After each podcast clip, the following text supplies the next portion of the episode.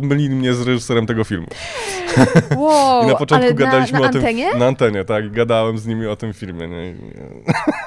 Czekaj, czy ty mówiłeś o swoim filmie, a, A oni mówili o, tam, tamtym? o tamtym, tak. Y, Po ile mi tak się zorientowali? E, Chyba się nie zorientowali w ogóle, tak mi się udało to zalawirować, że, że, że a chyba nie, nie tak ty się zorientowali się. zorientowałeś, że oni nie... E, Od razu się zorientowałem. I brnąłeś. Tak? Br brnąłem bez problemu. Nawet gdzieś mam to nagranie, więc, więc mogę ci potem wysłać. Błagam. Gdzieś, gdzieś ono powinno być. To jest cudowne, rozmawiać na dwa różne tematy. Da, Tak, ale, ale, się, ale się dogadaliśmy. No. Five, four, three, two, one. Podcast radioaktywny.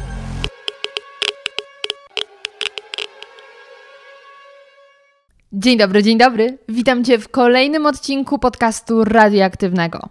Zgodnie z zeszłotygodniową obietnicą, dzisiejszy odcinek należy już do tych standardowych, czyli jest to odcinek z gościem.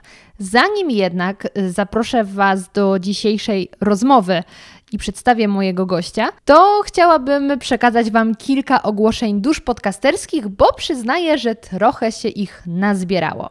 Pierwsze i najważniejsze ogłoszenie jest takie, że jeszcze do czwartku możecie wziąć udział w licytacji, którą zorganizowałam z okazji e, 27 finału WOŚP. I w ramach tej aukcji możecie wylicytować unikatową, jedyną w swoim rodzaju koszulkę z logo podcastu. Na ten moment jest to jedyna okazja, aby stać się posiadaczem takiej koszulki. E, Dlatego bardzo serdecznie Was do tego zachęcam. Tym bardziej, że oczywiście dochód jest przekazany w całości na dzieciaki. E, Także razem myślę, że możemy zrobić coś naprawdę fajnego. W licytacji może wziąć udział każdy, ponieważ ta koszulka jeszcze fizycznie nie istnieje. To znaczy, dopiero w momencie, kiedy dowiem się, kto ją wylicytował, wówczas taką koszulkę stworzę. E, Dlatego też niezależnie, czy jesteście mężczyzną, czy jesteście kobietą, czy nosicie rozmiar XS, czy może XXL, e, taka koszulka będzie dla Was specjalnie przygotowana, także bardzo gorąco Was zachęcam. Link do licytacji znajdziecie w opisie tego odcinka. Kolejna sprawa, o której miałam Wam powiedzieć i to już dwa tygodnie temu, to to, że podcast po ponad roku istnienia wreszcie doczekał się fanpage'a na Facebooku. I ja wiem, że to jest naprawdę genialne zakładać fanpage w momencie, kiedy wszyscy mówią, że Facebook ścina zasięgi, że nikt już nie siedzi na Facebooku, ale pod koniec zeszłego roku doszłam do wniosku, że brakuje mi takiego miejsca, w którym mogłabym dzielić się z Wami fajnymi rzeczami, ciekawymi informacjami, które na przykład znalazłam w internecie i bardzo chciałabym, abyście też je zobaczyli. Bo tak jak niejednokrotnie już słyszeliście w moim podcaście, tak jak usłyszycie dzisiaj, spoiler, Bardzo lubię fajne, inteligentne reklamy. Niejednokrotnie, jak obejrzałam jakąś reklamę, doszłam do wniosku, że kurczę, tak bardzo chciałabym Wam ją pokazać, bo uważam, że jest to małe dzieło sztuki. I wtedy przypominam sobie, aha, nagrywam audio. To znaczy, że nic Wam nie mogę pokazać. I wtedy doszłam do wniosku, że Facebook właściwie jest fajnym miejscem, aby coś takiego robić. Dlatego jeśli chcielibyście od czasu do czasu, bo też tutaj od razu mówię, nie zasypuję nikogo spamem, zobaczyć jakieś ciekawe, czy to reklamy, czy kanały na YouTubie warte obejrzenia, y, czy śmieszne memy znalezione w internecie, które mogą poprawić Wam humor, to serdecznie Was zapraszam. Wystarczy, że wpiszecie podcast radioaktywny albo zmacznego. E, Facebook na pewno Wam podrzuci fanpage. Link oczywiście również będzie w notatkach.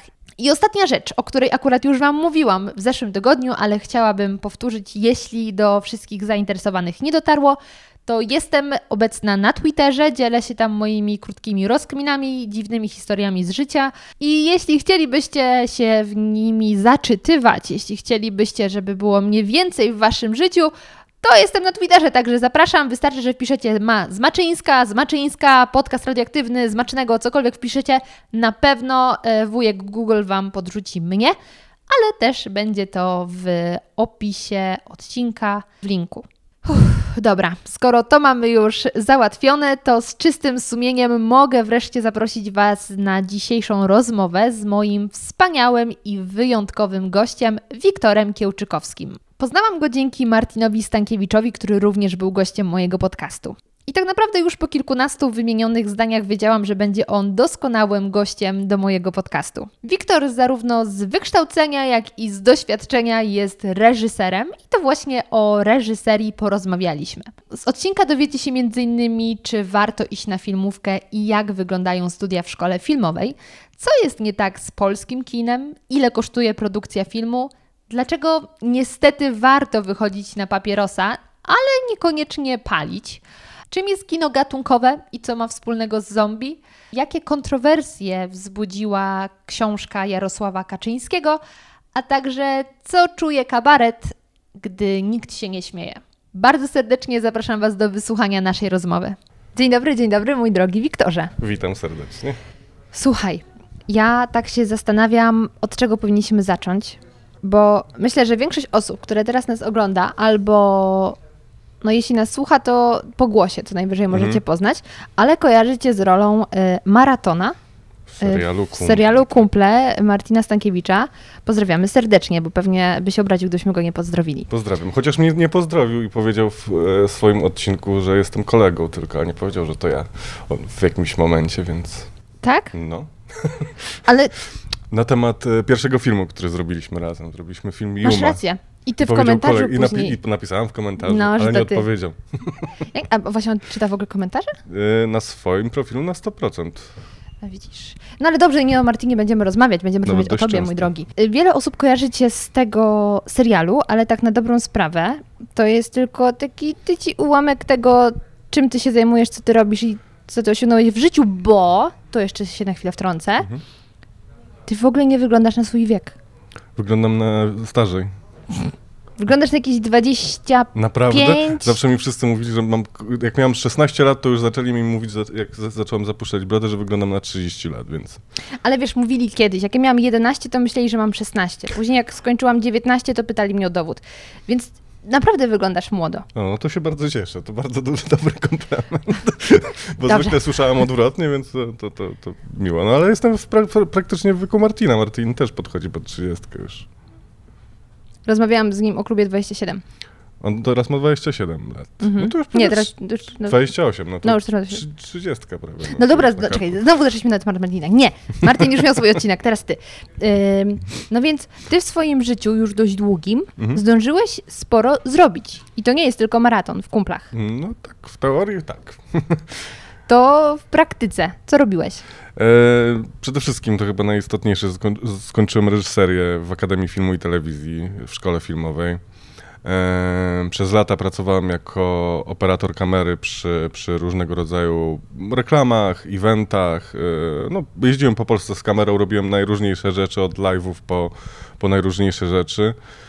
E, rozrobiłem kilka reklamówek w swoim życiu. E, pracowałem na planach filmowych, profesjonalnych jako drugi reżyser, czasami asystent, czasami e, pracowałem. Ogólnie w pionie reżyserskim zawsze pracowałem przy jakichś większych produkcjach.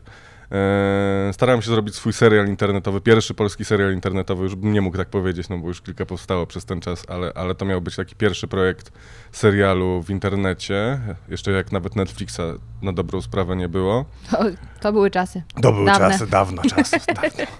E, mm, no i to w sumie chyba wszystko. Dużo No, no jeszcze tam było oczywiście e, we wcześniejszych latach był kabaret, e, bawiłem się w teatr, dzięki któremu, ale to już taki dzie, dzieciak, jako dzieciak, dzieciak bawiłem się w teatr i w zasadzie stąd mam jakieś tam te umiejętności aktorskie, które, które mogę wykorzystywać teraz, tak, jako, jako maraton, czy w innych produkcjach, czy na swoim kanale YouTube, na który zapraszam.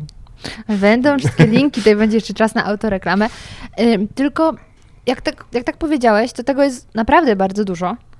Yy, właśnie ta reżyseria, ale też granie, bo jak mm, nas... Dobra, ostatni raz wspominamy Martina. Jak na grupie, którą założył Martin, yy, napisałeś swoją historię, Mhm. którą nazwałam epopeją, bo jest dość długa jak na tego typu yy, takie grupy internetowe, to, to, to zaczęłam też szukać później dalej. Mhm. W internecie jest trochę informacji na twój temat i jedną z nich, nie wiem, czy to był wpis na Wikipedii, Mhm. nie wiem, kto go też pisał, czy tam go sobie napisałeś, e, ale było, że pierwszy scenariusz napisałeś w wieku 12 lat. Naprawdę coś takiego jest w necie? No. Matko jedyna, to nawet, no kiedyś w jakimś wywiadzie na pewno powiedziałem, ale tak, napisałem w wieku 12 lat. Scenariusz nazywał się O Jezu, Pocałunek Wampira się nazywał. Miałem taką e, opcję, że strasznie zakochałem się w książce Brema Storkera Dracula. Mhm. Uważam, że to jest najwybitniejszy. Dalej uważam, że to świetna książka i świetna literatura. Jest warto przeczytać, naprawdę. E, lepsza od filmu, mimo że robiony przez Francisa Ford Coppola był film. Mm, ale tak, faktycznie napisałem scenariusz, miał 350 ileś stron, z tego co pamiętam. To było kobyła taka, że dzisiaj, dzisiaj bym czegoś takiego nie napisał, ale się zaparłem i napisałem faktycznie ogro, ogromny scenariusz. Do dzisiaj mam gdzieś kopię tego e, wydrukowaną.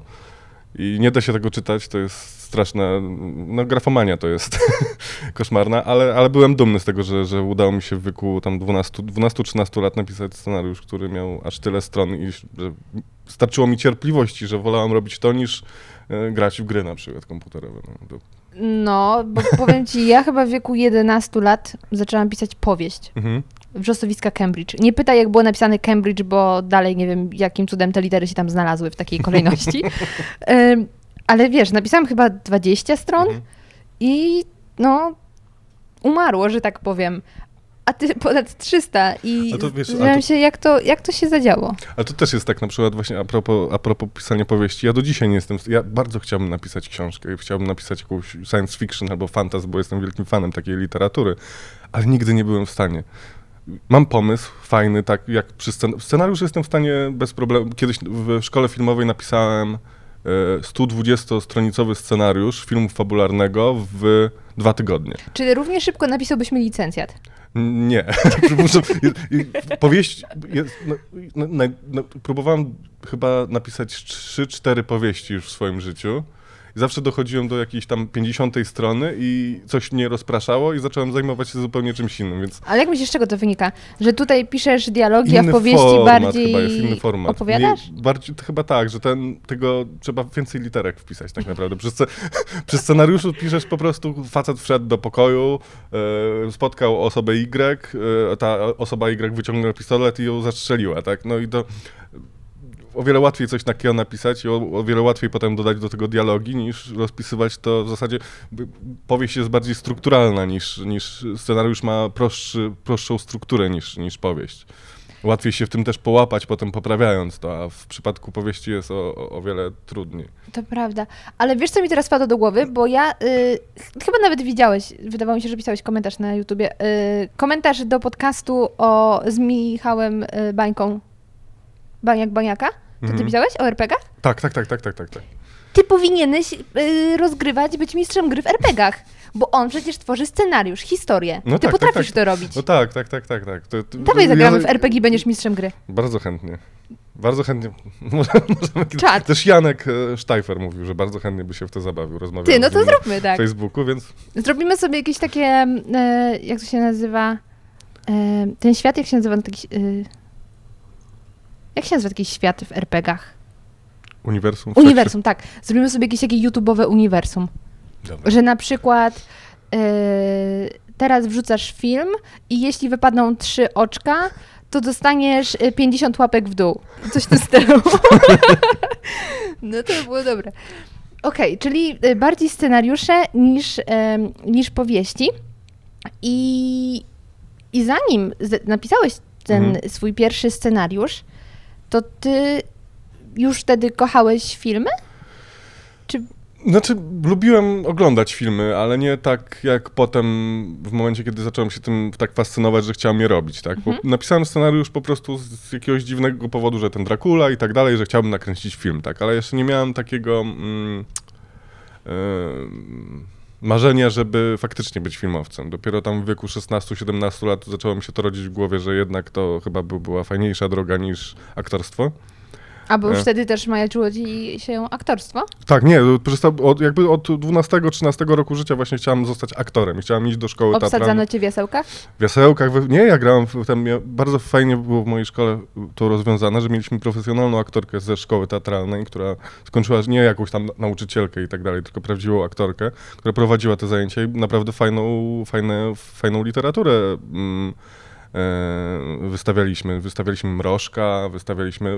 Pierwsza, pierwsza w ogóle e, sztuka, którą wystawiliśmy, to był Mały Książę grałem Lisa w Małym Księciu. Spoko. Potem graliśmy, był właśnie, było tango Mrożka, potem zrobiliśmy E, o. Czyli to e, ile wtedy miałeś lat, jak wystawialiście tango?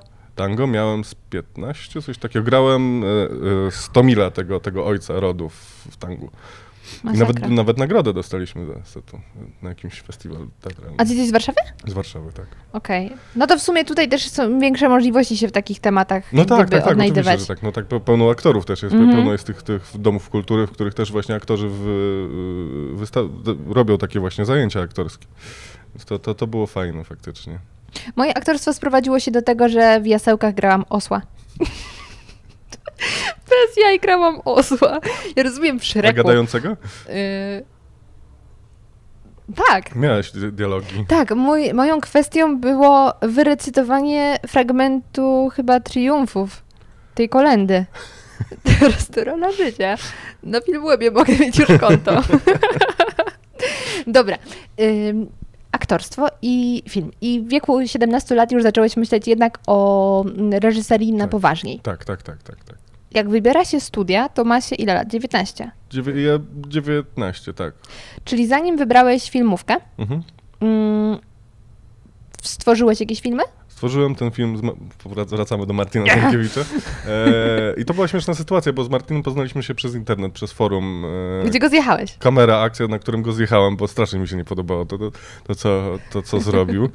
E, sądzę, że to było trochę z zazdrości prawdopodobnie, bo, no, bo on Mhm. zrobił już kilka rzeczy takich nawet amatorskich, ale to i tak I był młodszy. i był młodszy trochę i tak dalej, i tak dalej. To może trochę mi to zagrało wtedy na... Ale w momencie, kiedy zaczęliśmy ze sobą gadać, znaleźliśmy od razu wspólny język i w zasadzie po dwóch, trzech miesiącach mieliśmy scenariusz napisany razem, e, który ja w sumie bardziej napisałem, ale on potem to poprawiał i tak dalej, wymyślaliśmy jakieś rzeczy. I potem w zasadzie, znając się tylko z internetu, Martin przyjechał do mnie do Warszawy, mieszkał u mnie przez 2-3 tygodnie. E, I wtedy powstała Juma. tak, powstała Juma, nakręciliśmy ją też właśnie w dwa tygodnie, potem tydzień mm, montowaliśmy to. No i w, te- w ten, w ta, ta, tak powstał nasz, mój, mój pierwszy film. No. A poczekaj, y, jak montowaliście, to który to był rok? Nie mam zielonego pojęcia. 2007, 2006, Okej. s- Czym się 2008? wtedy montowało? Adobe Premiere. Okej. Był też taka bardzo wczesna wersja tego programu, bo w zasadzie inne programy, bo tam jest jeszcze do dzisiaj są te programy Avid, Final Cut, to one jakby nie, w życiu nie, nie zadziałały na takim amatorskim komputerze tak do grania. Więc, więc to był pre, premier i to nie, no nie, nie było to łatwe, ale, ale no, udało nam się o dziwo. I potem waszym śladem poszli e, kolejni twórcy, którzy parę lat później też nakręcili Jumę. Tak. Zresztą potem mia, mieliśmy taką śmie, śmieszną sytuację, że byłem w radiu. E, W czwórce? Nie w czwórce, to nie było w czwórce. W czwórce też kiedyś byłem, ale to było radio jakieś akademickie, nie pamiętam nazwy. Kampus. Nie kampus, drugie. Są dwa akademie. E, jakieś akademickie, połączone z jakimś szkołą. Okej. Nie pamiętam. Radio, nie, nie, jest, jest Radio. takie radio w Warszawie jeszcze. I w każdym razie pomylili mnie z reżyserem tego filmu. Wow, I na początku ale gadaliśmy na, na o tym. antenie? Na antenie, tak. Gadałem z nimi o tym filmie. Nie? Czekaj, czy ty mówiłeś o swoim filmie, a, A oni mówili o, tam, tamtym. o tamtym, tak. Y, Po ile mi tak się zorientowali? E, chyba się nie zorientowali w ogóle, tak mi się udało to zalawirować, że, że, że a chyba nie, tak nie ty się zorientowałeś, że oni nie... E, od razu się zorientowałem. I brnąłeś. Tak? Br- brnąłem bez problemu.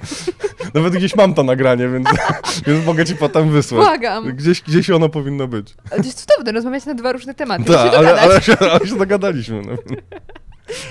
Okej. No i potem trafiłeś już na filmówkę. Tak, tak, tak. Jak wyglądają studia na filmówce? Bo ostatni raz.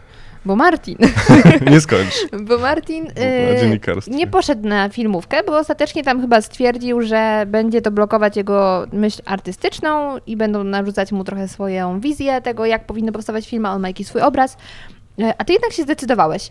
I czy twoim zdaniem filmówka więcej daje, czy mm, ogranicza? Moim zdaniem zależy to od osób, które, która pójdzie do tej filmówki, Mhm. bo, bo faktycznie w e, filmówce jest tak, że, że narzucają pewną, szczególnie w łódzkiej szkole filmowej, całe szczęście ja się do niej nie dostałem, ani, a, czy w katowickiej, to, to są studie, które mm, mają też aktorskie, wszy, wszystkie artystyczne moim zdaniem, mają tak, że e, indoktrynują trochę te osoby, że, pró- że wykładowcy próbują stworzyć takie młodsze wersje siebie. Mm, I, I niestety to lasuje trochę mózgi młodym ludziom i bardzo często spotykałem się z opiniami że, że takie kino na przykład, które ja lubię, że nie ma racji bytu, mimo że to jest takie trochę zaściankowe myślenie starszego pokolenia filmowców, tak. E, więc wydaje mi się, że tak, ale jeżeli ktoś ma na tyle oleju w głowie, żeby się temu nie dać, to da się wyciągnąć bardzo dużo z zajęć w szkole filmowej. Szczególnie jeżeli. Ja najwięcej tak naprawdę nauczyłem się na papierosie podczas przerwy, tak? Bo, bo podchodziłem do swoich wykładowców i po prostu z nimi rozmawiałem się z nimi zakumplowałem. Tak? Ale to jest to, nad czym ja ubolewam, że nie palę. Bo kurczę, na papierosie poznaje się najlepszych ja ludzi i jest najlepsza impreza w czasie imprezy. Hmm. A ja niestety nie palę, więc zawsze po prostu stoję jak ten kołek niepalący z palącymi. No jest to też jakaś metoda, ale ty widzę, nie miałeś tego problemu, po prostu paliłeś. Tak, tak, za zacząłem po prostu palić. Niektórzy zaczynali na, w wojsku. W zasadzie najwięcej się dowiedziałem właśnie, właśnie w ten sposób niż na samych zajęciach, bo zajęcia dają ci pewną um, teorię um, tego, jak robić filmy, ale rozmawiając z kimś, z kimś, kto jest tak doświadczony, jak nie wiem, mój, mój, mój mentor świętej pamięci Andrzej Kotkowski, który zrobił pełno filmów E, pracował z naprawdę wybitnymi. On był drugim reżyserem przy większości filmów Andrzeja Wajdy chociażby i zrobił kilka swoich wybitnych filmów. E, nie wiem, czy kojarzysz na przykład taki serial Siedem Życzeń. Oh, to, to, to, jego był właśnie. Panie. On to wyreżyserował i napisał scenariusz do tego. E, więc e, najwięcej na, nauczyłem się właśnie rozmawiając z nim i nauczyłem się tego, jak czuć kino przede wszystkim, rozmawiając z nim. Bo na, na samych zajęciach, gdzie jest teoria, mi się tego nie nauczył. Mhm. On mi w zasadzie wpoił to, w jaki sposób czuć kino, w jaki sposób mm, rozumieć kino, w jaki sposób rozumieć te pewne e, metafory, które są ukrywane w filmie, tak? No te, tego można nauczyć się tylko moim zdaniem od, od kogoś tak wybitnego jak, jak, jak, jak wykładowca w szkole filmowej. Tego nie można się nauczyć samemu, tak, moim zdaniem. No to po, po latach prawdopodobnie by się dało, no ale no właśnie, ale pytanie, czy po latach oglądania filmów, czy po latach tworzenia filmów? No to trzeba mieć chyba wybitny mózg, moim zdaniem, jak Quentin Tarantino, że on się nauczył tak naprawdę tworzyć filmy oglądając je, tak? I też potrafi tymi pewnymi metaforami tam między, między w, swoich scenariuszach operować, tak. Mhm. Y, wspomniałeś na początku, że mm, część właśnie wykładowców y, chce narzucić pewien konkretny typ filmów jako kanon mhm. i zabić waszą wizję tych, tego, jak waszym zdaniem powinno wyglądać kino. Mhm. Więc pytanie, mm, jakie filmy oni uważali za taki niedościgniony wzór, a jaki typ filmów ty uważałeś za ten mhm. dobry dla ciebie?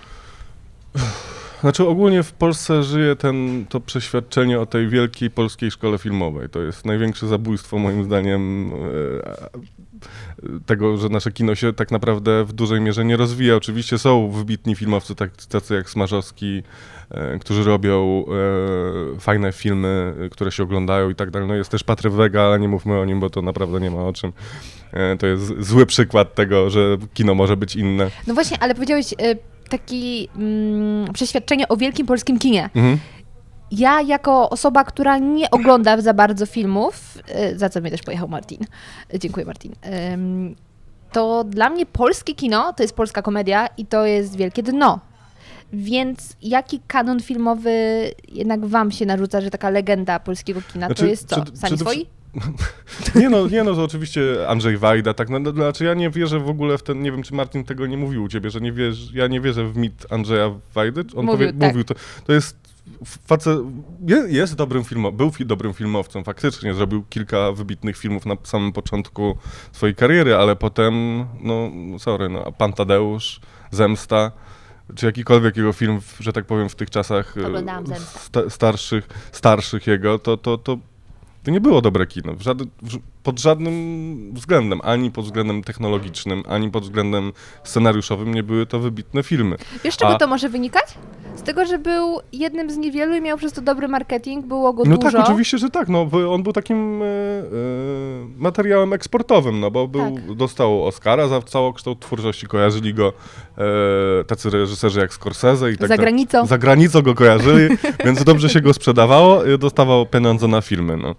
Niestety w... Y, mm, Druga sprawa jest e, w tym wszystkim to właśnie przejdę do tego, jakie powinno kino powstawać też w Polsce. Ja znam wielu wybitnych e, młodych twórców, którzy chcieliby robić thrillery, horrory, mają fajne pomysły na science fiction. Przecież mamy wybitnych powieściopisarzy science fiction, nie wiem, Andrzej, e, e, Andrzeja Zajdla, Zajdla? Nie, nie pytaj. Janusza Zajdla, przepraszam, Janusza Zajda, Zajdla, Lema, e, którzy tworzyli przepiękne powieści science fiction, które wcale nie byłyby zbyt drogie do zrealizowania i są twórcy, którzy by chętnie by się zajęli realizacją albo którzy mają sami jakieś pomysły na, na, na tego typu kino.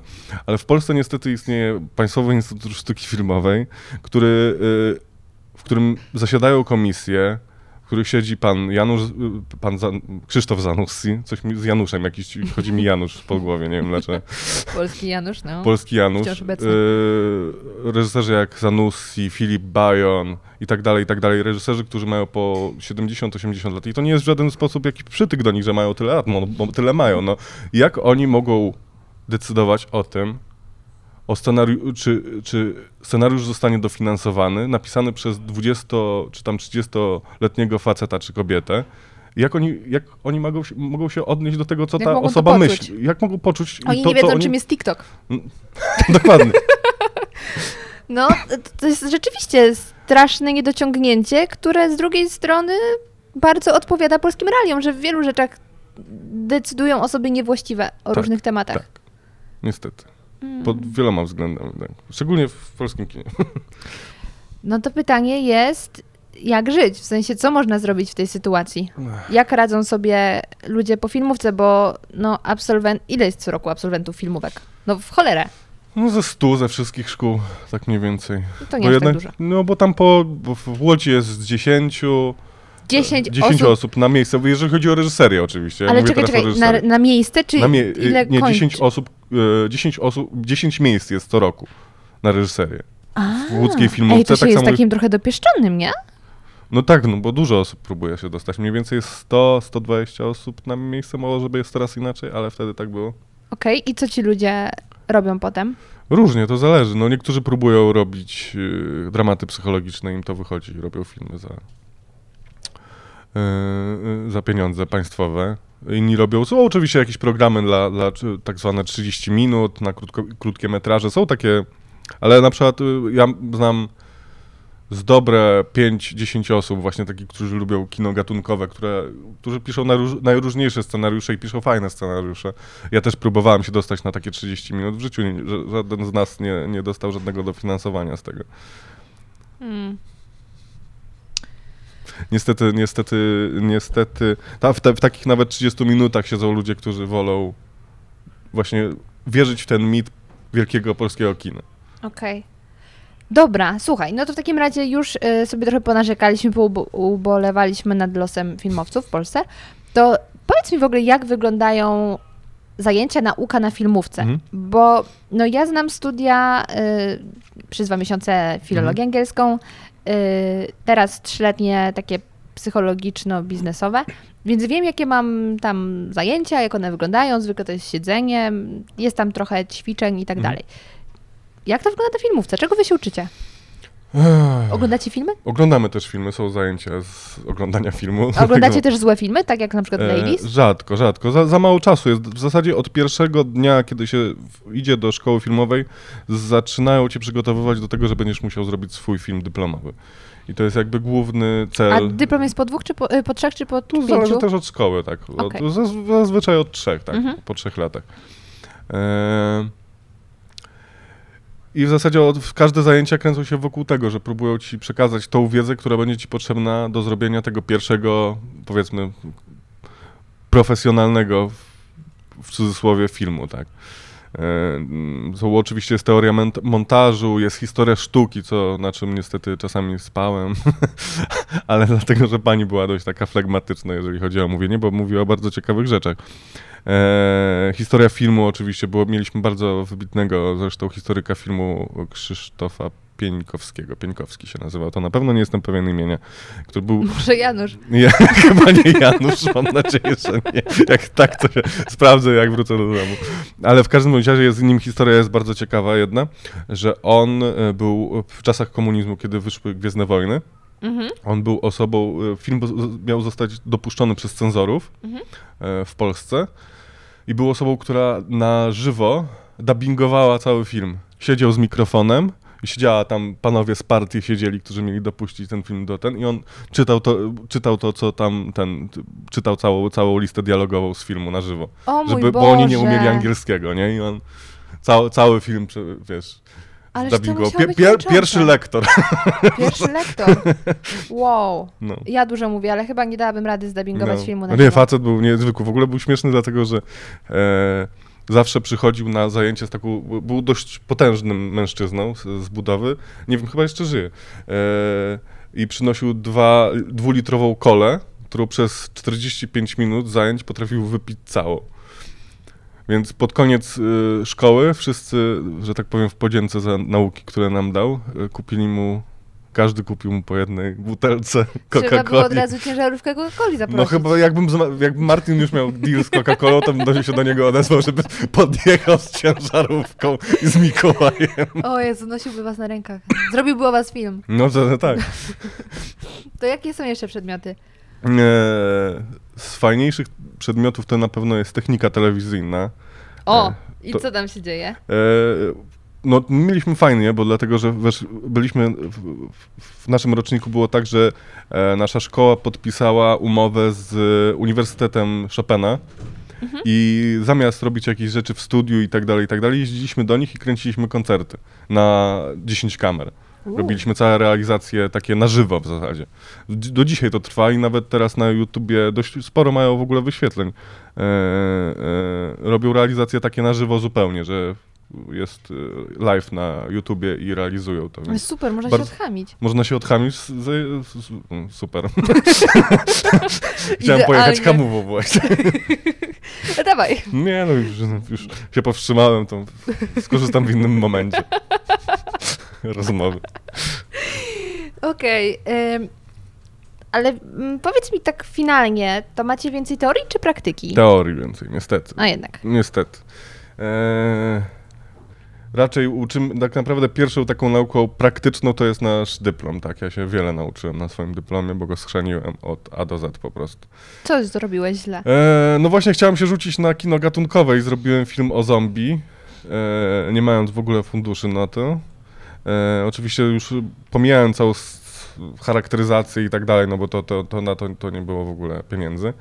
Ale jakby podszedłem ze złej, złej strony do tego, co teraz bym zrobił, zrobił zupełnie inaczej. Chciałem zrobić nowoczesny film w nowoczesny sposób. Czekaj, tak ale ty dalej. dostałeś piątkę za to. Dostałem piątkę, ale, No. ale, to, ale to za odwagę, tak jak, jak, na, jak napisałem zresztą kiedyś. W Okej. tym, w tym, w tym, tym. Ale to mnie właśnie zastanawia. ym, jak wy finansujecie sobie te filmy? Sami. Sami. Znaczy, Łódzk, ja byłem w prywatnej szkole, więc nie byłem. Łódzka Szkoła Filmowa tam ma granty na, na, na niektóre dyplomy, ale to też jest na zasadzie właśnie takiego, że jest komisja. Mhm. Komisja decyduje o tym, który scenariusz dostanie grant. Jeśli jest y, to historia Polski w latach wojennych, to dostanie dofinansowanie. Tak, ale jeżeli o latach zombie? wojennych z zombie, to już no, nie, co z tego, że będzie ten sam scenariusz i będzie do zombie tylko w tle, Okej. to, to, to i tak by ten film nie A ile dostał. mniej więcej taki film kosztuje? Taki dyplom? Stop! Czas na krótką przerwę.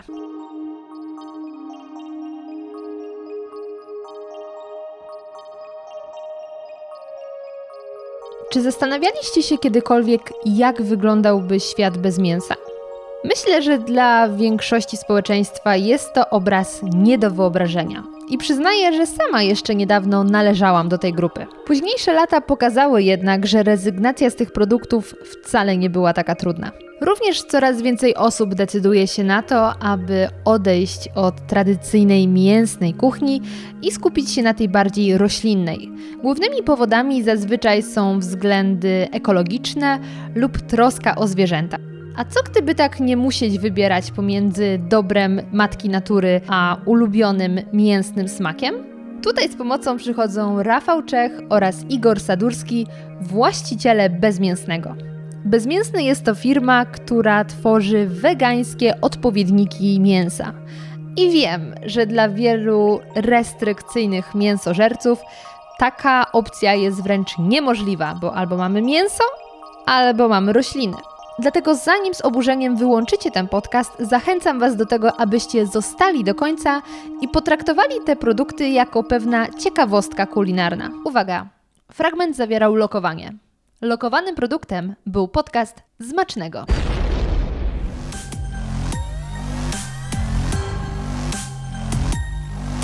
Podcast radioaktywny.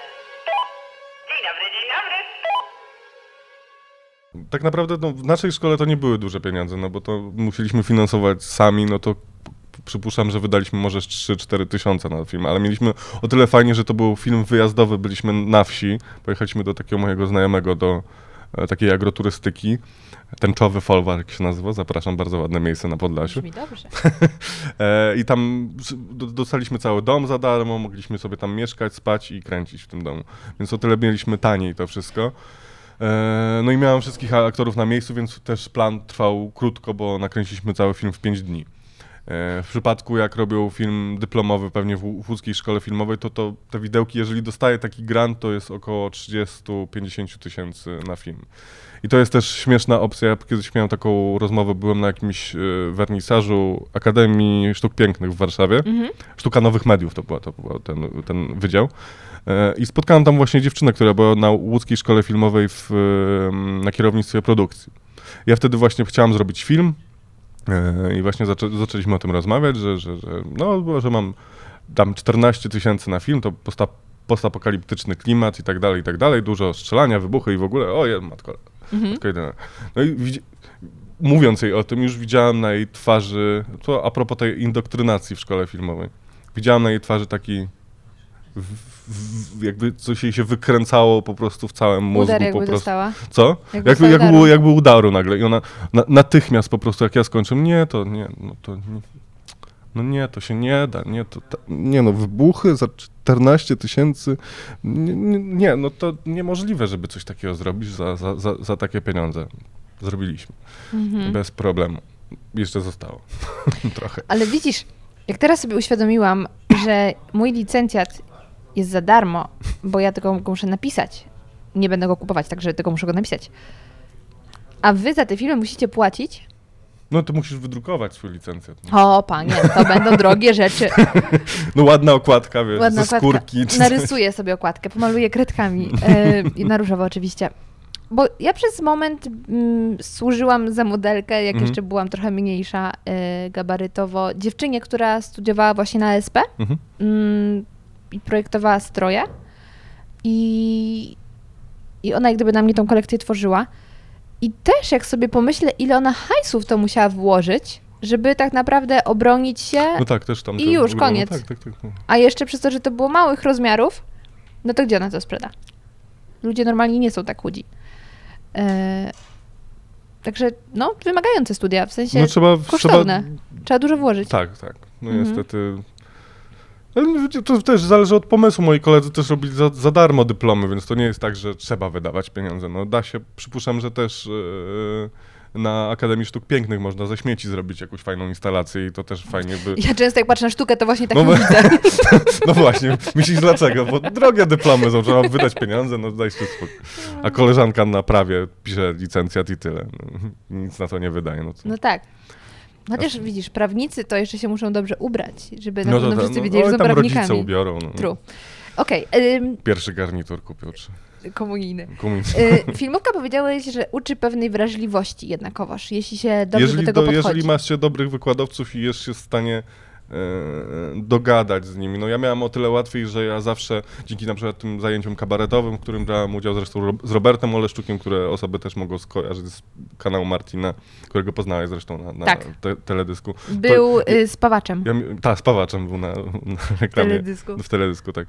E, E, To ja miałem o tyle łatwiej, że ja dość długi czas wychowywałem się, znaczy rozwijałem się wśród starszych od siebie osób, więc mi nie, nie miałem tego problemu, żeby podejść do wykładowcy, który ma 60-70 lat i zacząć z nim rozmawiać, tak? No to o tyle mi było łatwiej. Widziałem, że niektórzy moi znajomi mają taki problem z tym, żeby zrobić dokładnie to samo, więc, więc ja miałem może o tyle łatwiej, że wyciągałem tą wiedzę właśnie w ten sposób od nich.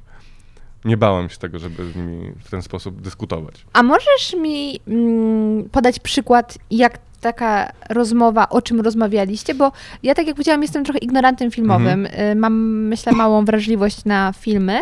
Mhm. I ciekawa jestem w takim razie, jak, o czym wy rozmawialiście? Czy o ujęciu, czy o świetle, czy o historii? Jedną pamiętam taką opcję. A propos takich no, bardziej nowoczesnych technologii i tak dalej, czyli gier komputerowych w tym wypadku. Ja kiedyś obejrzałem trailer, była taka gra, wtedy kiedy ja byłem w szkole filmowej, ona się nazywała Heavy Rain. E, To jest taki przygodówka interaktywna, tam bardzo ładnie zrobiona ogólnie, wyglądała bardzo realistycznie i ona była robiona na zasadzie takiego zwanego motion capture, czyli aktorzy byli ubrani e, w te ubrania takie, takie, nie wiem jak to nazwać, no takie... Kombinezony takie? Kombinezony, na twarzach mieli kamery, które re- rejestrowały mimikę twarzy, Mhm. potem to było przekonwertowywane do gry. Okej. Ja to zauważyłem na jakimś trailerze i mm, e, bo, pobiegłem szybko do szkoły po, następnego dnia i pokazałem ten e, trailer e, swojemu wykładowcy. Niech pan zobaczy, jak to teraz, że tak powiem, nowe technologie i tak dalej. I w zasadzie potem do, od, przy, przyszedłem do szkoły o dziewiątej, przerw było mniej więcej z pięć przez ten czas, no to na każdej przerwie z nim rozmawiałem i dyskutowałem dalej na temat, na temat tego, jak ta technologia nowoczesna można ją w nowy sposób wykorzystywać, jak można tworzyć w nowy sposób kino, że, że niedługo pewnie pojawią się e, zupełnie cyfrowe postaci, które będą nie do odróżnienia z, z, z, e, z realnymi ludźmi, tak? No i Będzie potem... straszne. No już tak jest, już powstało w Gwiezdnych Wojnach, już są postaci, które... To jest straszne w takim razie. No jak nie oglądam Gwiezdne No dlatego. znaczy straszne, no to jest jakby naturalna kolej rzeczy, że jakby ta technologia idzie do przodu i dzięki temu to chodzi o to bardziej, jakby cel tej rozmowy nasz polegał na tym, że pojawiają się nowe możliwości wyrazu, tak? Mhm. Że niedługo będę mógł y, w swoim dużym pokoju kupić sobie taki kombinezon z tą kamerą i tak dalej. Nie to potrzebował innych Nie aktorów. będę potrzebował aktorów, tylko będę potrzebował jed- jednego dobrego aktora, który wcieli mi się we wszystkie role. Przypuszczam, że za 10, może 15 lat tak będzie, że jakiś szczyl 16-latek będzie mógł sobie zrobić w ten sposób No, film. Ja wiem, ale widzisz, ja mam problem z tym, że człowiek w mm, pogoni za technologią Mhm. chce się pozbyć człowieka. Bo nagle się okazuje, że już człowiek do niczego nie jest potrzebny. Nie jest ci potrzebny do obsługi w sklepie, nie jest ci potrzebny do prowadzenia samochodu, nie jest ci potrzebny do tworzenia filmów, do tworzenia muzyki.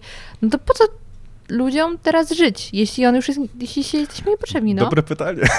Straszne Nie no, pytanie. nie no, c- ja jestem akurat pesymistą, jeżeli chodzi o naszą Ja cywilizację, też. więc, więc jakby nie, nie, lepiej nie wchodźmy w ten temat, bo zaczniemy tutaj, do, dołujemy Tematy wszystkich, którzy...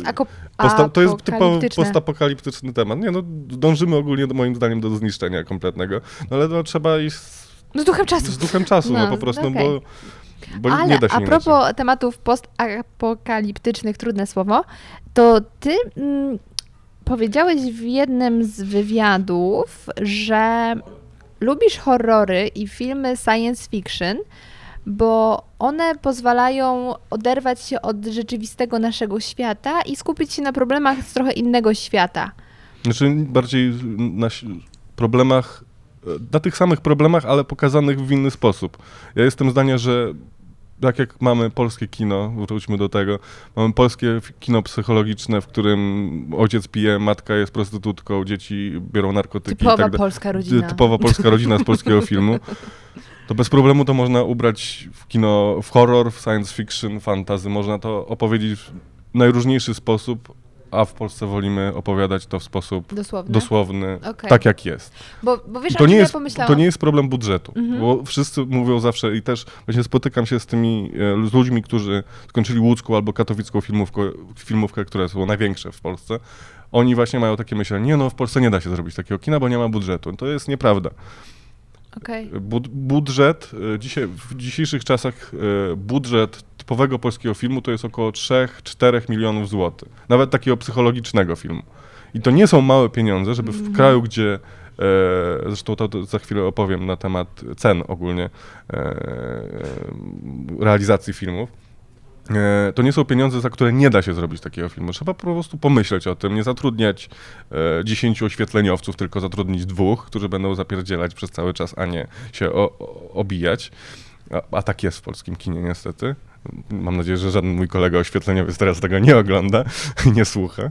E, I a propos tego, właśnie rozmawiałem kiedyś z producentem z Kanady, który robi właśnie e, takie nie, kino klasy B, horrory klasy B. I wypuścił kilka, nawet niektóre są dość dobre i całkiem niezłe recenzje zbierają. E, na temat cen e, realizacji filmów.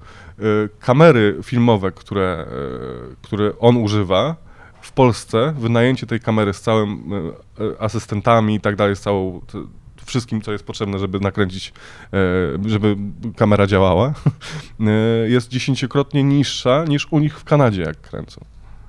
Okej, czyli, czyli da się. Da się, jest to po prostu taniej u nas wszystko. Mhm. Jeżeli się pomyśli, zastanowi nad tym, jak ugryźć temat, jak, gdzie przyciąć pieniądze, żeby te pieniądze były przede wszystkim widoczne na ekranie, a nie żeby wygodnie było panu aktorowi, który gra i żeby miał wygodny fotel. Bo niestety w ten sposób się myśli, albo żeby było dobre jedzenie na planie. Ja pamiętam historię to mm, o tym serialu który, internetowym, który próbowałem zrobić i miałem go robić z dużą, e, z dużą e, telewizją. Nie będę mówił nazw, bo nie chcę mieć problemów potem, jakby ktoś to obejrzał. A wszyscy oglądają przecież ten podcast. A, nie no, wiesz, Miejmy nadzieję. Mamy nadzieję, że obejrzą. E, to, to w budżecie my daliśmy według cen e, 20 zł na osobę za dzień, jeżeli chodzi o jedzenie, jako catering. O panie, to bieda. No dobra, ale Nie, no ja wiem o co oni, chodzi. oni dali 80 ileś na osobę. Przy 30, e, przy prawie 80-osobowej ekipie. No to wiesz, to, Osiem dych, 8 8 dych, obiad. no, z- jakiś super catering, no. Małże. Małże, albo Gordon- Ramsay miał przyjechać, no nie wiem, no tak, my się łapaliśmy za głowę, no ja, ja mógłbym cebulę jeść na planie, no dla mnie to nie problem przez cały dzień.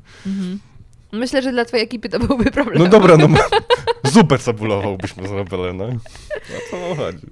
Pamiętam, kiedyś byliśmy na, na planie, byliśmy, kaskaderów mieliśmy na planie i była zupa właśnie bezmięsna. Tak się wkurzyli. No, nie no, bo wiesz, oni potrzebowali energii, oni tam skakali Ty, no, po nie linach i tak mówisz mi, że mięso jest tylko e, mięso, że energia jest tylko z mięsa. Przecież No energia ale jest wiesz, bardziej ale z no jak ktoś je mięso, no to musi mieć mięso. No. No tak, bo prawdziwy mężczyzna je mięso, oczywiście. Zapytałam cię o to kino gatunkowe, bo jak przeczytałam to zdanie, tam tylko trochę chyba źle je zinterpretowałam, to pomyślałam o Netflixie Mhm. i o czarnym lusterku. Bo w Black Mirror, y, no, dla mnie jest to gatunek trochę horror, Mhm. science fiction. no tak, tak. A jednak jest cholernie ciężko powiedzieć, że on przedstawia jakieś wymyślone rzeczy, No nie, ja mam- zazwyczaj są bo zazwyczaj to już to, ku czemu problemy. zmierzamy. Tak. I, I tak właśnie myślałam, że Teraz mi się przypomniała taka, taka rzecz, której w zasadzie właśnie się w szkole filmowej, znaczy nie w szkole, ale właśnie opowie- rozmawiałam na ten temat z, ze swoim wykładowcą Andrzejem Kotkowskim podczas jednego z papierosków. E, oj, dużo, kiedy- kiedyś, oj, dużo było. Tak naprawdę ta historia tego, że kino gatunkowe zaczęło być ym, e, bardziej metaforyczne, zaczęło odnosić się do problemów, zaczęło się od filmu Noc żywych trupów. To jest film z 68 roku, nakręcony przez jednego z moich mistrzów, George'a A. Romero, którego uwielbiam jego filmy, każdy, każdy, który nakręcił. I to był jego pierwszy film. To był czarno-biały film zrobiony za jakieś bardzo małe pieniądze. Na dzisiejsze czasy przypuszczam, że to właśnie było z 60 tysięcy i zrobili film za, pełnometrażowy za to. W Kanadzie. Tam taniej niż w. Stanach Zjednoczonych. I zimniej. Mm. No i oczywiście, jak sama, sam tytuł wskazuje, to był film o, o zombie. E, bardzo prosty, bez żadnych tam e, e, efektów specjalnych, czarno-biały i tak dalej, i tak dalej. I przez to, że nie mieli pieniędzy, nie mieli jak zatrudnić aktorów, mieli jednego kolegę, który umiał grać, który był z jakiegoś tam teatru podmiejskiego w Pittsburghu czy, czy w Toronto. I był czarnoskóry.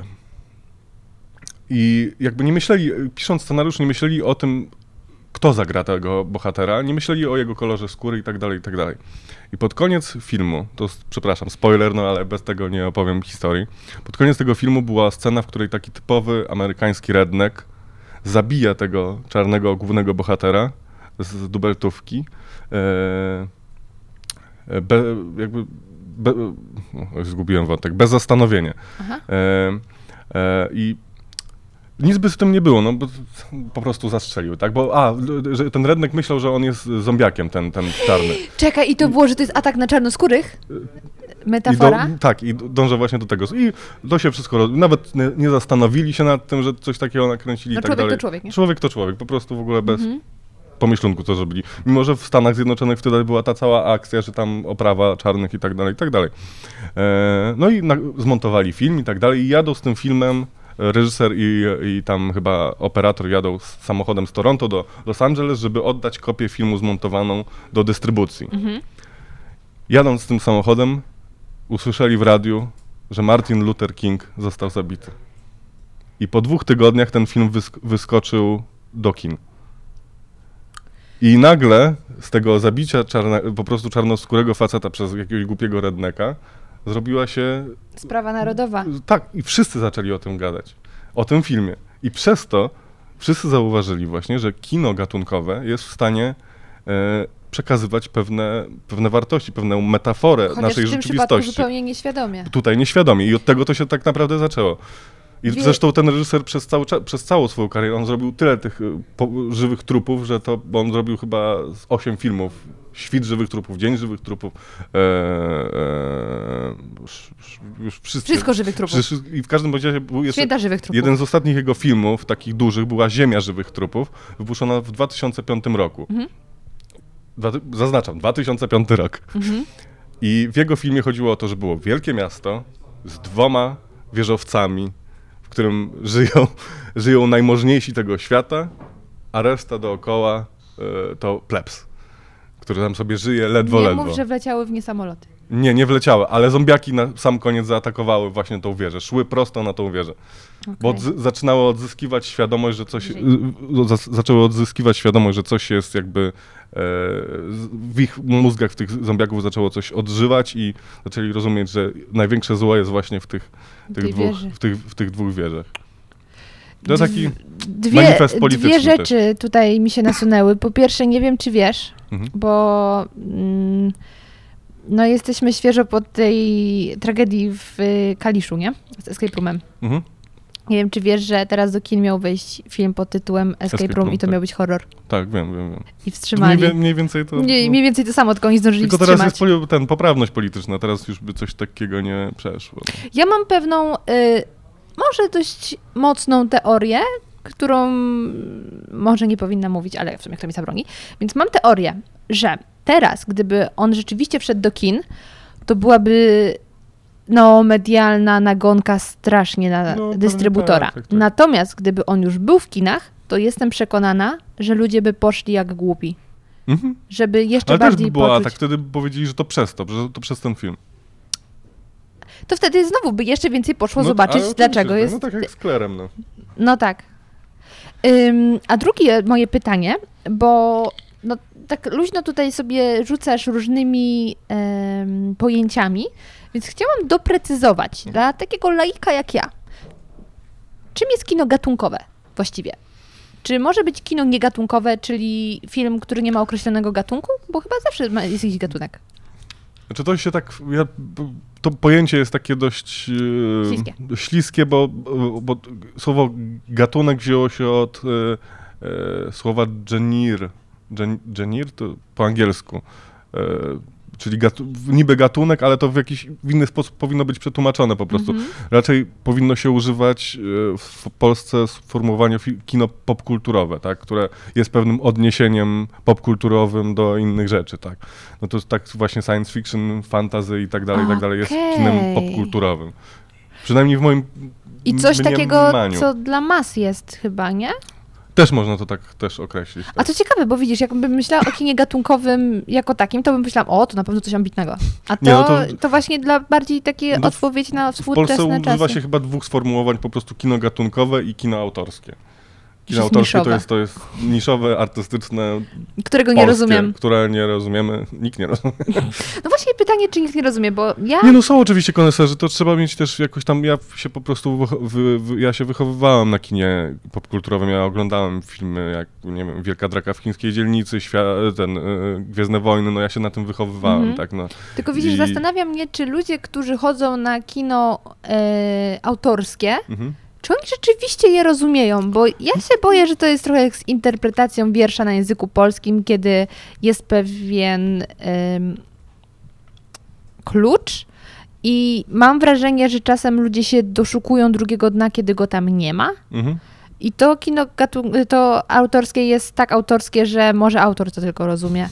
Albo rozumie to bardziej płytko niż ludzie, którzy próbują to interpretować. No tak, oczywiście, że tak. Nie, no, wydaje mi się, że jeżeli- chodzi właśnie o takie kino autorskie, to, to każdy powinien prędzej czy później na pewno znajdzie jakiegoś autora, który jemu podpasuje. Ja ten, nie wiem, Martin, wracając do Martina, lu- lubi, nie wiem, wpada mi Martin, to po prostu... szerować Musisz teraz przyjść, ten musisz przyjść teraz tutaj.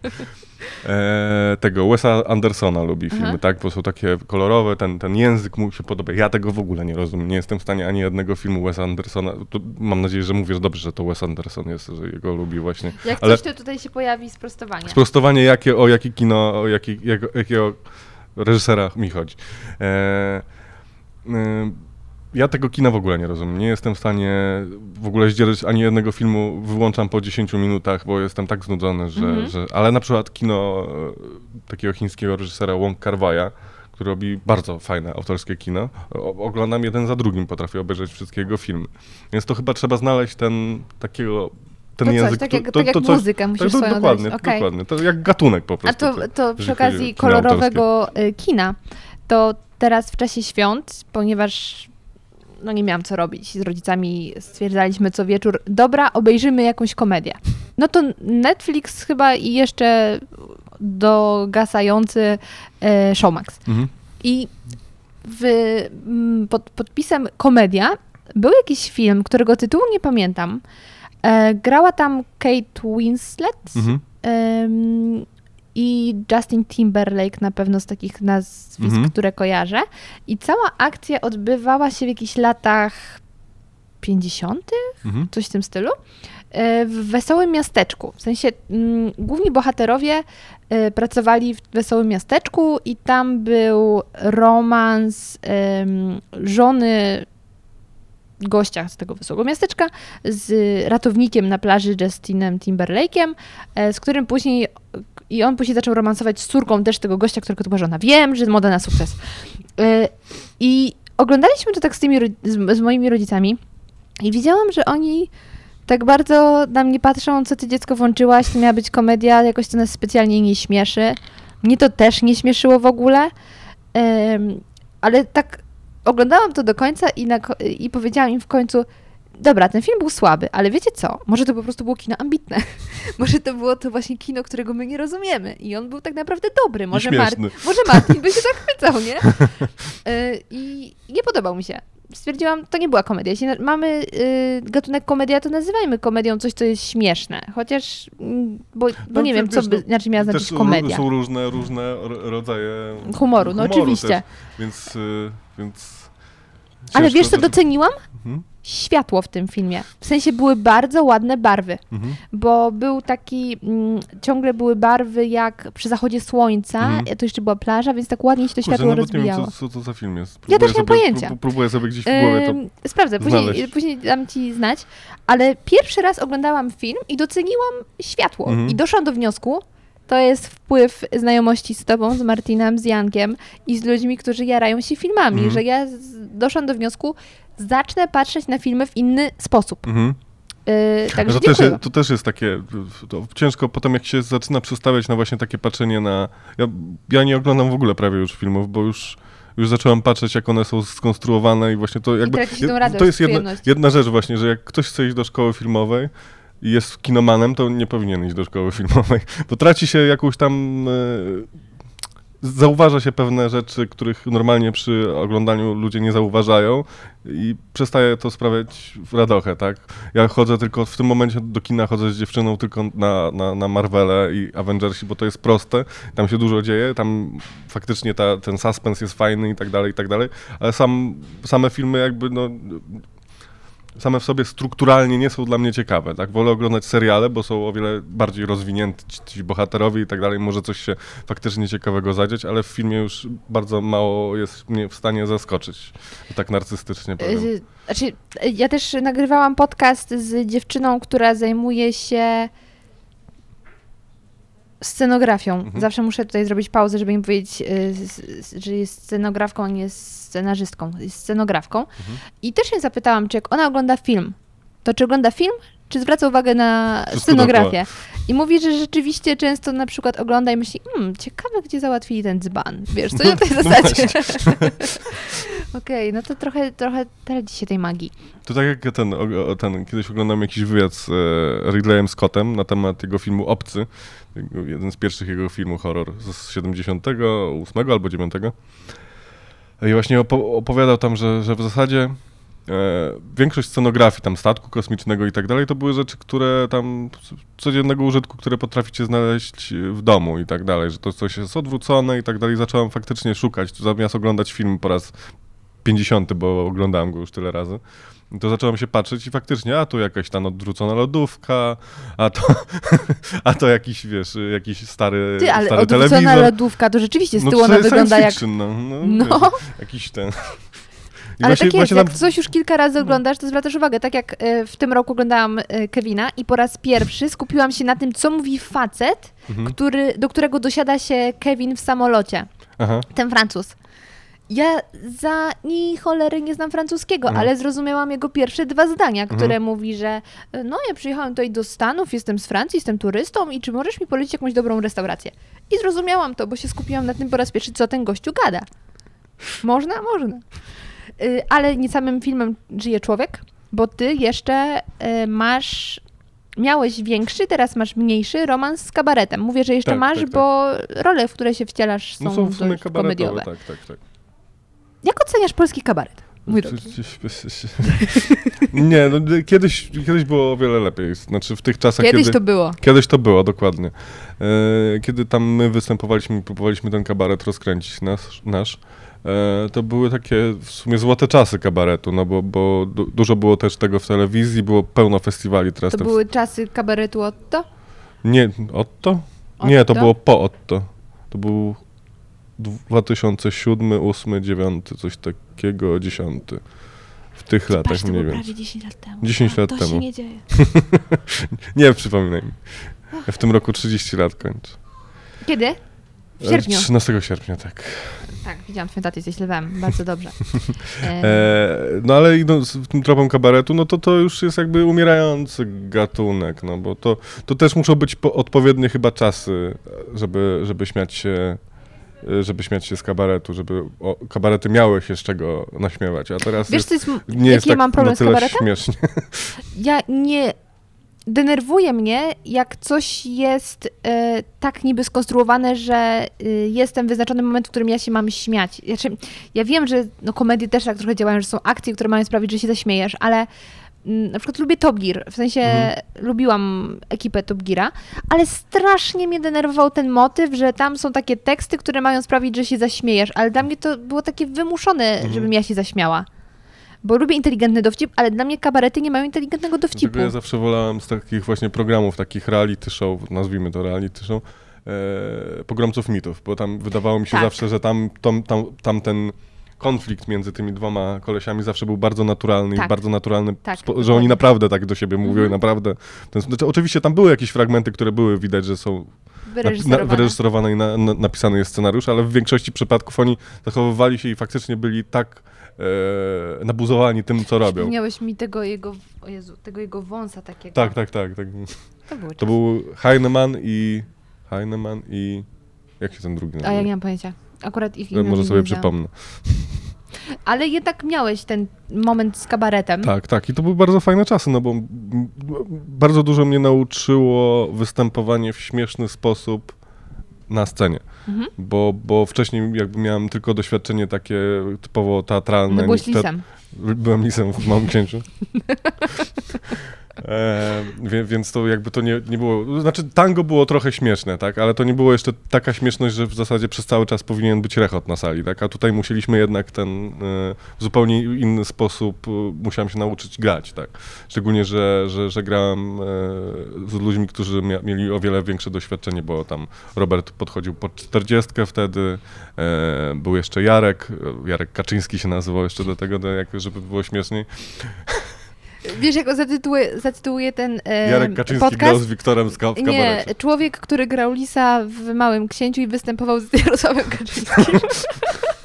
Ale to śmieszne, bo e, ten właśnie mój Jarosław Kaczyński, którego pozdrawiam, może kiedyś to obejrzy, bo nie mieliśmy kontaktu ze sobą chyba od pięciu lat, e, napisał kiedyś książkę Zabijajcie polityków.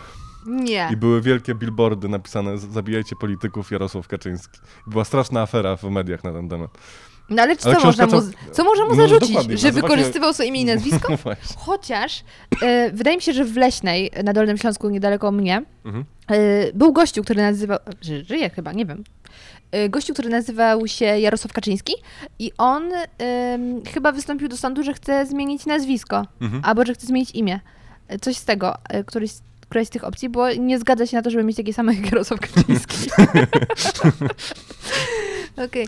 Mój kolega był z tego dumny w każdym razie. Ale e, idąc tropem dalej, e, bo nie dokończyłem chyba, e, że musiałem grać w zasadzie z ludźmi, którzy są- mają o wiele większe doświadczenie e, na scenie, szczególnie komediowe na scenie niż ja, więc, więc dzięki temu dużo się impro- nauczyłem improwizować, bawić się tak naprawdę tekstem, e, który, który był wymyślony wcześniej, tak, więc to, to była największa szkoła w zasadzie aktorstwa i, i, i pod, pod, pod tym względem na pewno jest dobry kabaret, dlatego że nawet ci aktorzy, nie wiem, z kabaretu Moralnego Niepokoju robią to ucho prezesa i tak dalej. Oni są w zasadzie profesjonalnymi aktorami w tym momencie, mimo że skończyli chyba Wydział Humanistyczny jakiś na, na Uniwersytecie Warszawskim. Zdarzyły się wam sytuacje, kiedy występowaliście I nikt się nie śmiał. i nikt się nie śmiał tam, kiedy Tak. gdzieś... Ra, raz tak mieliśmy, raz tak zupełna to cisza była. Ale myślisz, Do że jeden z czego- naszych ostatnich występów. A to zresztą chyba dlatego. Ale jak myślisz, z czego to wynika? Że źle to przedstawiliście? Czy po prostu totalnie bawiły was rzeczy, których nie bawiły publiczność, że nie sprawdziliście tych żartów na znajomych? Nie, bo właśnie to było śmieszne, bo my w zasadzie przez 3 lata działalności, 3-4 lata działalności mieliśmy jeden program i przez cały czas e, działaliśmy tym, z tym jednym programem To jak przez cały czas. telewizja polska, non stop Tak, dokładnie, no tak, no bo-. E, jakby tak to wtedy działało. No, byliśmy dopiero w zasadzie po dwóch latach, czy po trzech latach zdecydowaliśmy się spróbować swoich eliminacji na pakę, czyli na, na największy festiwal kabaretowy e, w Polsce. Nie udało nam się dostać tam do, do... Chyba przeszliśmy przez jeden etap, potem odpadliśmy. E, I jakby na tym programie przez cały czas dopracowywaliśmy do tego momentu ten program. I w momencie jakby e, potem mieliśmy jeszcze kilka występów i e, zaczęliśmy pracować nad nowym programem, żeby coś nowego napisać, no ale się coś tam rozleciało, wszyscy się rozeszli w swoje strony, no i tak. No. Dlatego pracowali, dlatego w, przez, przez trzy lata pracowaliśmy w zasadzie nad jednym programem. No. Go dopracowywaliśmy właśnie występując przed publicznością, no ale potem coś się, energetycznie coś u nas padło, Siadło. prosiadło, także nam się po prostu już nie, nie, nie chciało z jakiegoś powodu. Ale co się robi w momencie, jak nikt się nie śmieje? Improwizuje się i rzuca się już Nie, wtedy, wtedy, my wtedy byliśmy załamani. Szczególnie, że to był taki występ za kasę dość sporą nawet, więc, więc tak słabo było. No. Ale nie byliśmy jedynym kabaretem tego wieczoru, więc, więc nie było tak źle. Był drugi kabaret, który Ale sobie uf- lepiej poradził. A, to już się śmieli. Tu już się śmiali, więc Ale widzisz. Ja mam wrażenie, że czasem jak nikt się nie śmieje, to ktoś się w końcu śmieje z tego, że nikt się nie śmieje. to coś takiego chyba jest, że trzeba tą atmosferę rozluźnić, to Mhm. napięcie. I ludzie wybuchają jednak często śmiechem w takich No sytuacjach. u nas tak nie było niestety. No, No, Następnym razem to, ja było, będę siedzieć na ale si- tylko raz było tak, że nikt się Tak. nie śmiał, więc A myślałeś o tym, żeby zająć się stand-upem? nie, ja się do tego nie nadaję. Czyli ty jednak musisz coś tam sobie bardziej przygotować i mieć ekipę? Znaczy, tak, nie, znaczy ja umiem być śmieszny wśród znajomych, jak jestem, ale jakbym miał stanąć sam na scenie, to bym chyba się, musiałbym chyba się bardzo mocno przygotować, pewnie bym musiał mieć bardzo dobrze napisany tekst. Zresztą wszyscy stand-uperzy przecież mają teksty napisane, Mhm. no to nie jest tak, że oni to, oni potrafią to po prostu, mają tą umiejętność przedstawiania w tego w taki sposób, że wydaje się, że oni mówią w naturalny sposób. To, to jest... Że opowiadają nam jakąś O, historię. tak, która, która się zdarzyła kiedyś, tak. Storytelling. No, dokładnie, więc to, to, to, ale wydaje mi się, że ja bym się do tego nie nadawał. Bardziej właśnie Robert Oleszczuk, o którym już mówiliśmy tutaj z kabaretu, no to on by się nadawał do stand-upu. Mhm. Ja, ja raczej nie. Y, Słuchaj, bo y, ja sobie jeszcze y, na Wikipedii zrobiłam O Boże, screena, no ja muszę zobaczyć, tam- co na tej Wikipedii jest, bo Panie, ja ci zaraz powiem, co jest napisane. Jest napisane między innymi to, że yy, czekaj, tworzyłeś, yy, pracowałeś, czyli domyślam się, że tworzyłeś reklamy Mhm. dla PKP, Polsat, PGE, sieć sklepów Superfarm, Polskie Wydawnictwo Rolnicze, yy, jakaś fundacja chyba No Limits, w której wystąpił Poland Hubert no Urbański. No limits, tak, Poland no limits. Co to były za reklamy, mój drogi? O I kim Jezu. tam byłeś? Byłeś tam głównym panem reżyserzem? E, Przy niektórych tak. Przy niektórych tam pisałem scenariusz, ale tu ty, z PKP to jest jakiś błąd, to, to, to na pewno nie ja pisałem. Może miał być PKS albo nie, nie, nie, PKO? nie, nie, właśnie nie, PKP. e, Ja robiłem dla nich serię takich spotów. No w sumie, to, ale to nie da się, raczej tam byłem operatorem. To, to chyba po prostu wymieszane jest, informacje są. E, e, reklamy, które robiłem, to na pewno dla polskiego wydawnictwa e, e, tamtego, rolniczego Mhm, e, i dla Poland No Limits. To były na pewno dwie reklamy, które tu są wymienione. mhm. Ale to dla PKP na pewno nie robiłem, to jak, jakiś błąd jest. No ale zrobiłem Wszystko kilka reklamówek, reklamówek w swoim życiu. Prostszych, mniejszych. Czy mm, tworzenie scenariusza do reklamy znacznie różni się od mm, tworzenia scenariusza do filmu? Mm, tak, bo zwykle się go nie pisze. W sensie da, da, agencja reklamowa daje reklamę, daje scenariusz do To jaka to reklamy. jest twoja funkcja? Reżysera po prostu. No to co robi reżyser, tak na dobrą sprawę? O, nic. Mówi no właśnie, czekałam na te słowa. kamera, akcje. Nie no, dba o to w zasadzie, żeby... No, to ciężko powiedzieć, przy takim projekcie, przy filmie to jest o wiele łatwiej, ale przy... Reżyser tak naprawdę musi dbać o to, żeby dało się to przy takiej reklamie zmontować.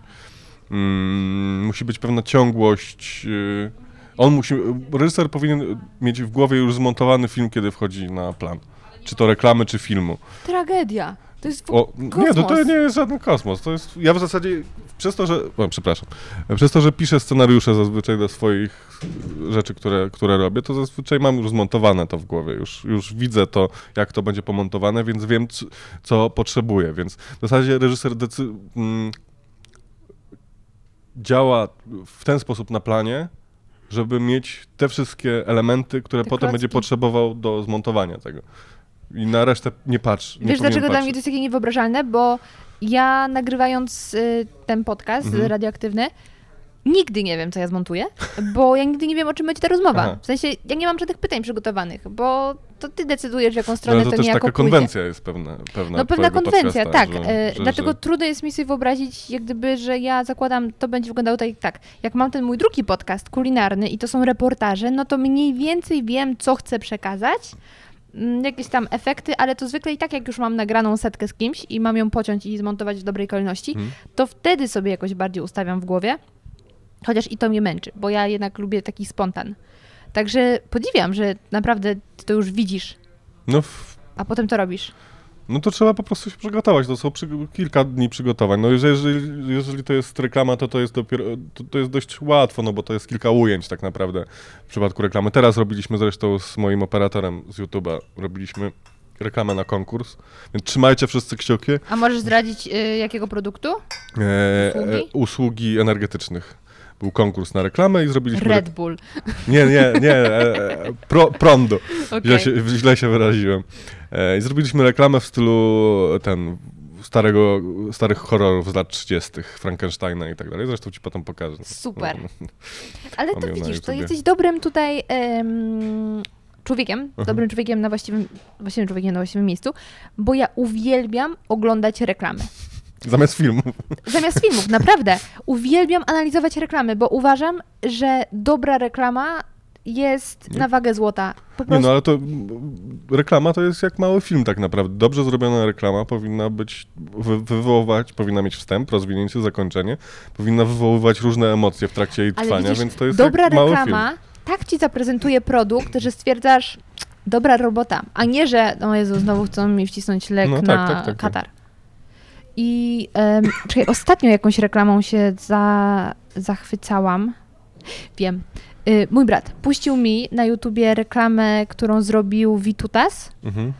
z jakąś marką, którą nie pamiętam. Podlinkuję to w mm, opisie odcinka, mm, która robi sprzęt AGD.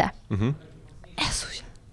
To była tak genialna reklama w swojej głupocie, bo jest tak durna, że jest genialna. Tam po prostu człowiek drze japę i e, nawiązuje do popkultury i, i wprost mówią, że to jest reklama głupia i tak dalej.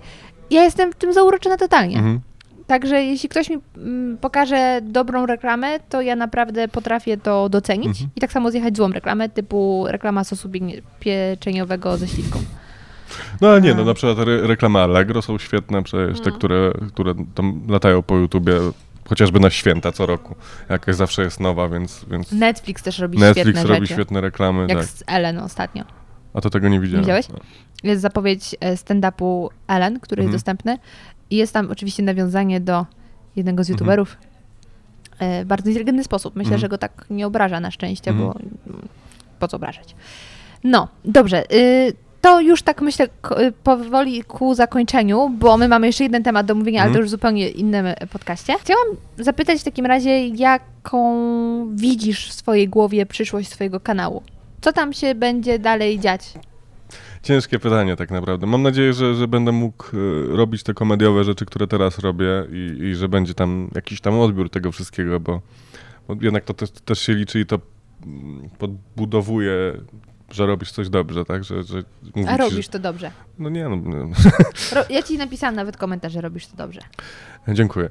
E, e, mam nadzieję, że to się na tyle rozwinie, że będę mógł robić takie rzeczy, które naprawdę lubię, tak? Bo komedia jakby jak po tej rozmowie wynikło, nie, nie jest jedyną domeną, którą, którą kocham i która, I która ciekawe, sprawia... chyba nawet większą jest science fiction. Jest mimo, Tak, tak, tak. No, kino gatunkowe, tak, tak. Jakby, jakby największą frajdę mi sprawia wymyślanie tego i, i mam nadzieję, że będę miał możliwość w jakimś stopniu zacząć to robić też na YouTubie. Oczywiście to są jakieś koszta, które będzie trzeba ponieść, ale, ale mam nadzieję, że to w jakiś sposób mi się uda dzięki, dzięki kanałowi właśnie ogarnąć. Największym problemem zawsze było to, że właśnie e, budżetowo nikt nie chciał nas wspomóc, tak? Byłem w stanie e, wiele razy, e, naprawdę wiele razy namówić bardzo wiele osób na to, żeby, żeby współpracowały ze mną nad jakimś projektem, ale odbijało się to od po prostu ściany, tak, że nie, nie, nie, nie mogliśmy znaleźć na to funduszy. Chociaż naprawdę próbowaliśmy, tak jak opowiadałem o tym serialu, tak, to, to 5 lat w zasadzie zajęło mi mm, znalezienie chętnych do tego, żeby nam ktoś pomógł w tym, żeby to zrobić, tak, bo i PR mieliśmy dobry i wszystk- wszystkim się podobał pomysł, bo to był postapokaliptyczno-słowiański klimat, yy, yy, z, niby z zombie w tle, ale to te zombie to było taka przykrywka trochę dla czegoś innego, duże uproszczenie dla, w tych, w tych jakichś tam marketingowych opisach, które puszczaliśmy.